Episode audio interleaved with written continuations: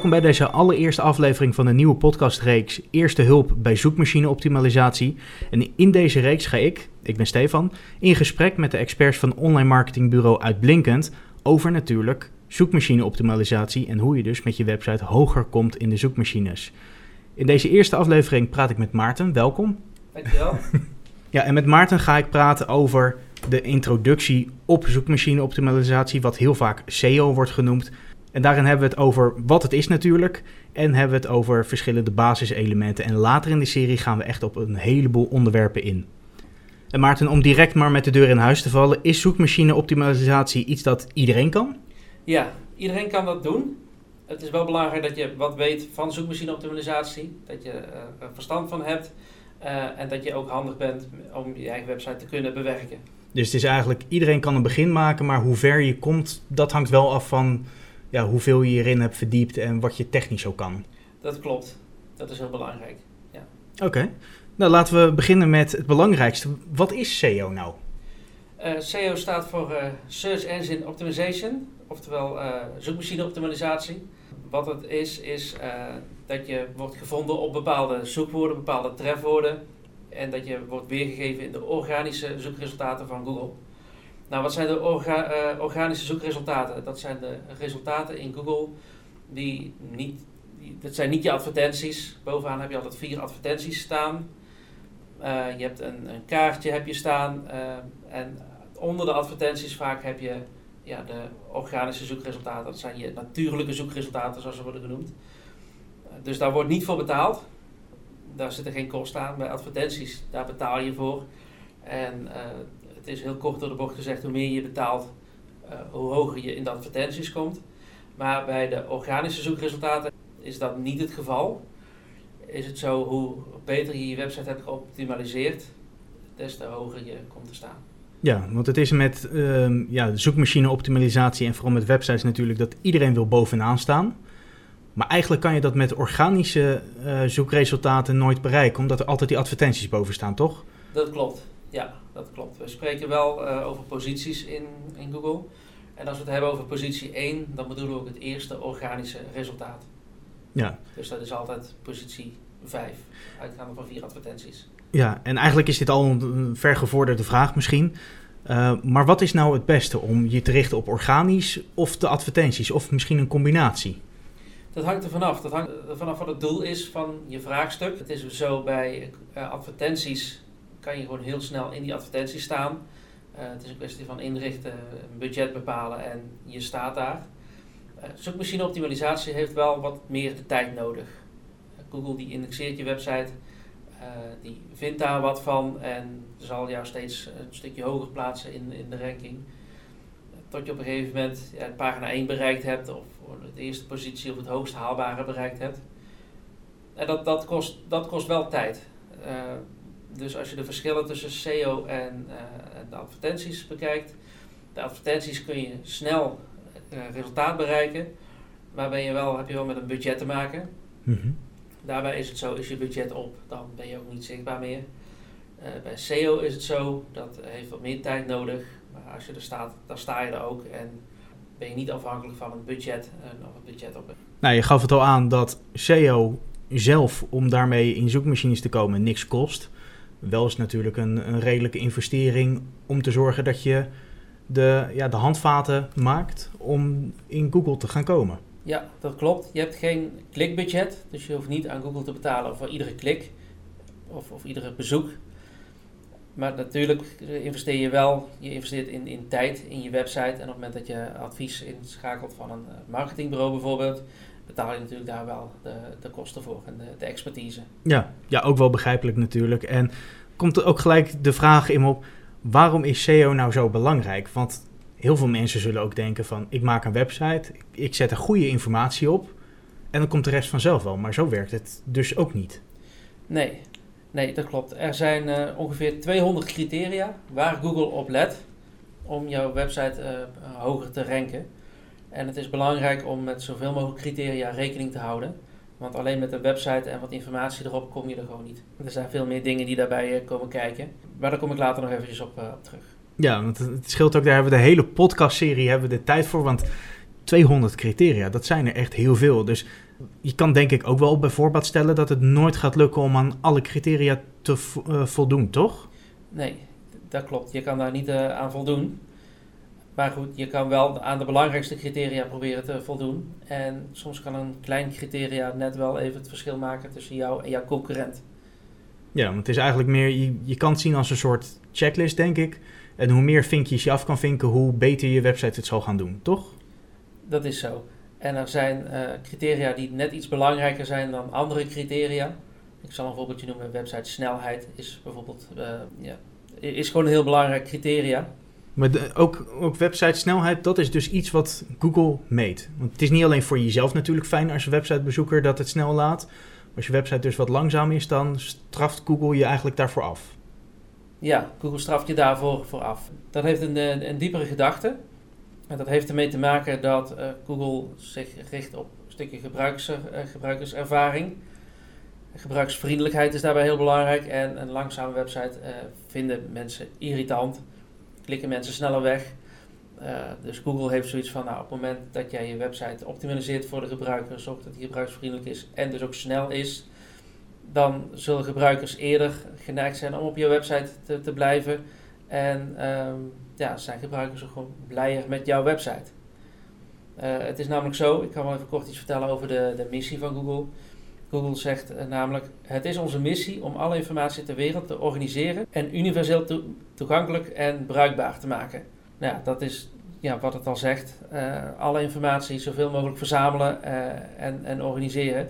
En vooral de juiste informatie aanbieden aan degene die de juiste zoekopdracht indient. Nou, je zegt ook van ze willen die informatie toegankelijk en bruikbaar maken. Dus die relevantie die is uitermate belangrijk en dat is een van die 200 criteria. Dat is heel belangrijk. Dat is precies waar Google ook naar kijkt, naar de content op jouw website.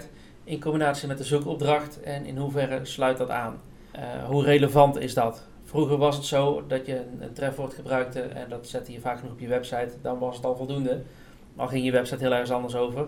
Maar Google indexeert heel je website, bekijkt heel je website, kijkt hoe relevant jouw website is en hoe relevant de pagina is. Uh, die Google naar voren schuift als dit is de pagina, de landingspagina, waar alle informatie op hoort te staan, waar je naar op zoek bent. Ja, want je, geeft inderdaad een mooi voorbeeld. Een pagina met gewoon heel veel het zoekwoord, maar het gaat er niet echt over. Ik denk dat iedereen dat wel eens heeft meegemaakt. Dat je iets zoekt en dan kom je op een website met wel dat woord. Maar dan denk je, dit is totaal niet wat ik zoek. Maar dat is dus iets wat Google heel erg aanpakt. Is dat ook iets wat Google door de jaren heen uh, steeds verbetert en zal blijven verbeteren? Ja, Google wordt steeds uh, intelligenter daarin. Zal teksten veel beter begrijpen. Uh, begrijpt ook het zoekgedrag van mensen veel beter. En zal dat veel beter gaan matchen dan dat ze nu al doen. Al doen ze dat nu al heel erg goed, vind ik. Dus dat is iets wat Google heel belangrijk vindt? Ja, Google vindt dat heel belangrijk ja, zoals ik al zei, het is heel belangrijk dat, dat je optimaliseert voor de gebruiker. Er zijn ook heel veel technieken die je in kan zetten uh, waar een gebruiker uh, alleen maar last van heeft, maar die je juist inzet om de, um, de zoekmachine voor de gek te houden of juist te stimuleren om een uh, zoekwoord heel hoog te krijgen. Maar ook Google is daar juist heel erg slim in geworden de laatste jaren en straft dat af. Dus eigenlijk als je zoiets toepast en het lukt nog, dan vroeg of laat snij je jezelf wel in de vingers, want Google zal er dan waarschijnlijk achter komen, toch? Klopt, Google komt daarachter. Ja. Naast dat Google met heel veel robots jouw website indexeert, is er ook nog een team binnen Google wat handmatig wel eens websites bezoekt en gaat kijken of alles wel in orde is. Zoekmachine optimalisatie draait dus in de eerste plaats om de gebruikerservaring. En wat is er nog meer allemaal belangrijk? Wat nog meer heel belangrijk is, dat is de techniek. De techniek achter de website. Uh, denk aan, aan metatext, denk aan, uh, aan, aan, snelheid, uh, denk aan geen onnodige code, geen onnodige broncode bijvoorbeeld. Dus techniek is heel belangrijk als je je techniek goed inricht. Ook gebruik van de juiste plugins bijvoorbeeld. Ja, dat, dat helpt je zeker om, om beter gevonden te worden. Nou, wat ook heel belangrijk is, dat is content. Zorg ervoor dat je de juiste content, de juiste teksten op je website hebt. Denk hierbij ook aan afbeeldingen die je op de juiste manier optimaliseert. Uh, en als laatste een stukje reputatie, een stukje online reputatie. Vroeger werd dat uh, genoemd als linkbuilding, dus hoe meer linkjes je kon verzamelen, hoe hoger je reputatie was. Maar tegenwoordig is daar, uh, is daar wel veel meer voor nodig. Nu is dat een hoofdstuk op zich, dus daar wil ik niet te diep op ingaan nu. Maar op het moment dat je website technisch in orde is, je beschikt over voldoende content en vooral die user experience, die gebruikerservaring goed in de gaten houdt, zorgt dat je een goede, nette, toegankelijke website hebt met een goed navigeerbaar menu, dan ben je al een heel eind. Dus eigenlijk moet je ook, als je een website gaat maken, moet je niet denken van oké, wat wil ik als websitebouwer of als bedrijf communiceren naar mijn doelgroep. Maar moet je het eigenlijk omdraaien. Wat wil mijn doelgroep weten? Exact. Bedenk goed wat je klant wil, wat, je klant, wat, je, wat jij wil dat je klant doet op je website. En hoe dat hij snel op de juiste plek kan komen, de juiste informatie kan vinden. En uiteindelijk nog kan triggeren om bijvoorbeeld een aankoop te doen of om een, een aanvraag in te dienen. Ja, en met dat bijvoorbeeld een aanvraag indienen, is dan ook handig om je websitebezoeker een soort ja, route af te laten leggen, toch? Je begeleidt ze door je website heen. Ja, je, neemt een, eh, je kan een bezoeker echt meenemen in, door bepaalde informatie op je website eh, te zetten. Vervolgens door te leiden naar een contactformulier of nog meer informatie. Zodat de bezoeker uiteindelijk op de juiste plek uitkomt en die informatie krijgt waar hij of zij behoefte aan heeft. En niet te veel wordt afgeleid door andere zaken die echt te doen, niet te doen. En dat is eigenlijk ook gelijk een belangrijke website tip, denk ik. Niet gewoon een pagina met contact, maar zorgen dat je een websitebezoeker meerdere keren dat aanbiedt, toch? Om contact op te nemen. Ja, op iedere pagina waar je een bezoeker langs wil laten komen, uh, moet je eigenlijk een mogelijkheid hebben tot conversie, zoals dat heel mooi heet. Dat kan een contactformulier of een aankoop zijn, zodat je gedurende het proces er steeds op wijst. Neem contact op met ons. Eh, zodat je ja, een aanvraag binnen kan krijgen. Kan ook een telefoonnummer zijn wat je vernoemt. Vaak zijn het wel contactformulieren. Uh, simpelweg omdat die makkelijk meetbaar zijn. Ja, handig. Zo hebben we de belangrijkste zaken nu op een rij staan. Later in de podcastserie zullen we natuurlijk alle onderdelen echt gaan uitlichten. Uh, nu hebben we ook de mogelijkheid als mensen vragen hebben om die in te sturen. En iedereen krijgt sowieso een antwoord. En later zullen we in de podcastserie ook vragen gaan behandelen. Uh, dus mocht je een vraag hebben, kan je hem altijd eventjes sturen naar studio.uitblinkend.com. Uh, en laten we, voordat we afsluiten, het eerst eventjes hebben over de belangrijkste zaken die je zelf kan doen om je website te optimaliseren. Ja, wat je het beste zelf kan doen is om te beginnen nadenken welke woorden voor jou belangrijk zijn. Welke zoekwoorden zijn belangrijk? Waar zoekt een, een potentiële bezoeker op? Het is daarna belangrijk om te kijken naar je website of deze technisch goed ingericht is. Uh, daar goed naar te kijken. Maak ook gebruik van de juiste plugins. Er zijn heel veel plugins beschikbaar die je website zoekmachinevriendelijk kunnen maken. Daarnaast is het natuurlijk ook belangrijk dat je, ja, wat ik al meerdere keren genoemd heb, te optimaliseren voor de bezoeker. Kijk welke route je bezoeker af wil leggen. Uh, test dat zelf ook. Kijk of je menu goed ingericht is of wat logisch is. Laat ook andere mensen meekijken naar je website. Is jouw website logisch opgebouwd? Want je kan zelf een heel mooi plan in je hoofd hebben.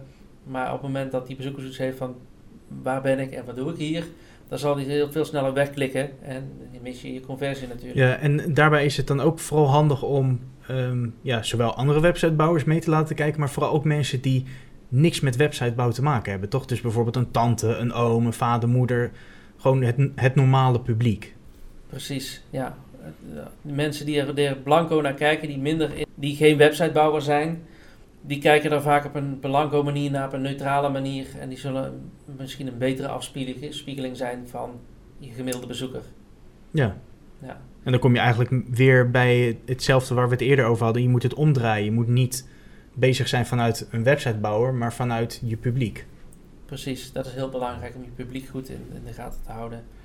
Nou, en tot slot zorg je ervoor dat je website uh, is voorzien van uh, de voldoende content en van de juiste content waarbij relevantie heel belangrijk is.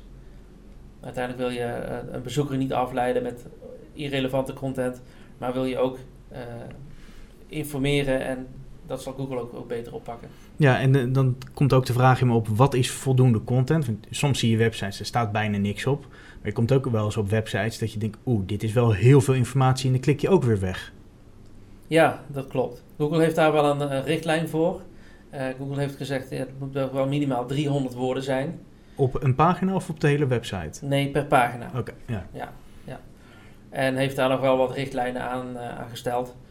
Uh, nu is het niet zo dat als je 299 woorden hebt, dat je pagina volledig afgekeurd wordt. Ehm, maar 300 woorden is wel een gemiddelde dat, dat goed is voor een landingspagina. Dat is goed te lezen voor je publiek en ook goed te begrijpen voor Google. Want ook dat is natuurlijk heel belangrijk. En, want Want eerder zei je al dat de techniek goed geregeld moet zijn. Uh, nu heb je ook wel eens websites waar je voldoende content op kan zetten, maar uh, dat dan in de code zo ingewikkeld is dat Google het weer niet kan lezen, toch? Precies, en dan sla je het doel ook mis. Want wat Google uiteindelijk doet, is, is ook je code uitlezen. En uh, als Google daar niks van kan maken, ja, dan zal die je website lager ranken dan wanneer je code schoon en goed ingericht is en je code heel goed begrijpt. Ja, want er zijn ook een heleboel systemen die je kan gebruiken om een website te maken. De bekendste is toch wel WordPress, uh, wat heel veel wordt gebruikt in de wereld. Zijn er ook systemen die juist averechts werken? Ik begreep eerder, voordat we voor de, uh, de podcast op gingen nemen, hadden we het al wat over websites. Vertelde je Flash, een complete website in Flash, dat dat ook niet goed uh, te lezen is door Google? Nee, helemaal niet zelfs. Google kan gewoon geen Flash lezen. Dus vroeger hadden we hele mooie fancy websites in Flash. Nou, dat bewogen en dat zag er prachtig uit. Maar Google kon dat gewoon niet uitlezen. Uh, Flash, een Flash website was ook een website met één regel code verwijzing naar het Flash-bestand. En Google kan daar gewoon niks mee. Dus vandaar dat je tegenwoordig steeds minder Flash-websites ziet, of bijna nauwelijks meer. En dat geldt ook voor JavaScript. JavaScript is ook een programmeertaal die je ja, rechtstreeks in je broncode ziet. Uh, Google begint die code steeds beter te begrijpen, maar ja, uiteindelijk uh, onvoldoende om je website goed te kunnen ranken. Vroeger had je bijvoorbeeld uh, dat je een menu in Flash was op, of in JavaScript was opgebouwd. Google kan dan je menu niet uitlezen en dat is toch wel een, een cruciaal onderdeel van je website, want uiteindelijk is dat ook je navigatie. En op het dat Google op een pagina komt en de navigatie niet begrijpt, ja, dan zal Google ook snel afhaken en je website gewoon veel lager ranken.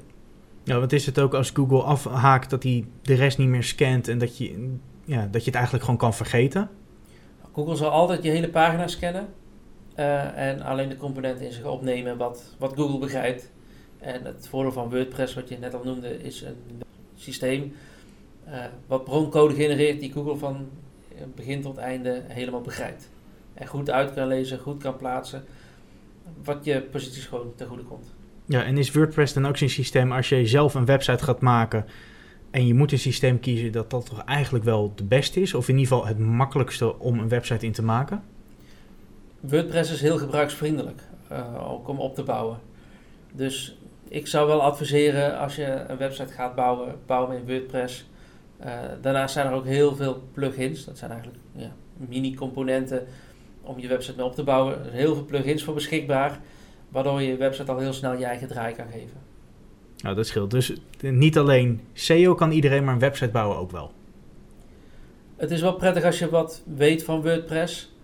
Dat, dat is wel heel fijn. Uh, maar het is wel heel gebruiksvriendelijk. Je hoeft geen uh, ja, programmeur te zijn om een WordPress website te bouwen. Dat scheelt een hoop inderdaad. Want heel veel mensen die hebben het algemene beeld van website maken, oh, dat kan ik echt niet. Maar met WordPress wordt het dus een stuk makkelijker al. Dat klopt, ja. WordPress biedt gewoon handvaten waarmee je makkelijker een website kan opbouwen. Ja, en die opbouw van die websites, dat is natuurlijk een heel belangrijk uh, component om een goede basis voor zoekmachine-optimalisatie te leggen. Daar hebben we het de eerstvolgende afleveringen over. Dan gaan we het echt over de techniek voor SEO hebben. Mocht je nou een vraag hebben voor Maarten, stuur die dan gerust via de mail studio.uitblinkend.com. Je krijgt sowieso altijd een antwoord. En later in deze podcastserie zullen we ook een aantal afleveringen gaan maken waarin we juist die vragen gaan behandelen, zodat we daar wat meer de diepte op kunnen. Nou, voor nu Maarten bedankt. En ik spreek je in de volgende aflevering over de techniek voor zoekmachine optimalisatie. Ja, dankjewel.